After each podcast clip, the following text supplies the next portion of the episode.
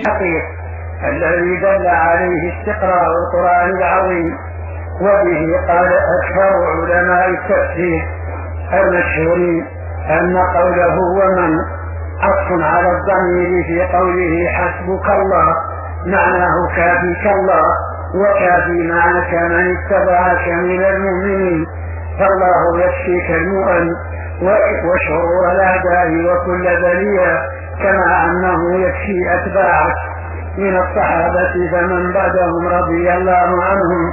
وهذا القول هو التحقيق. وقد دل استقراء القرآن عليه لأن الحسب الذي هو الكفاية من خصائص رب العالمين.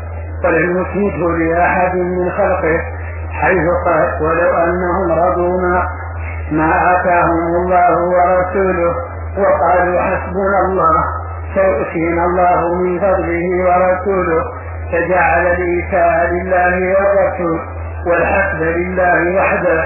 وقال تعالى فإن حسبك الله هو الذي أيدك بنصره وبالمؤمنين فجعل الحسب له وحده والتأييد بنصر الله وبالمؤمنين. وقد أثنى الله جل وعلا على قوم أفردوه بالحسب وهو الكفاية.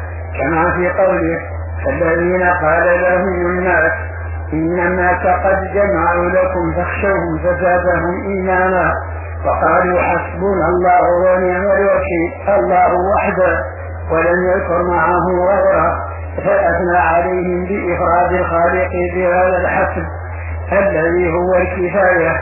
ونظيره قوله في خاتمة براءة فإن تولوا فقل حسبي الله. لا إله إلا هو. عليه توكل. وهو رب العرش العظيم. هذا هو التحقيق إن شاء الله. أن المعنى يكفيك الله ويكفي جميع أتباعك. وفيها وفيها يعني ترغيب عظيم في الإسلام. لأن من اتبع النبي صلى الله عليه وسلم كفاه الله. كما كفى نبيه صلى الله عليه وسلم.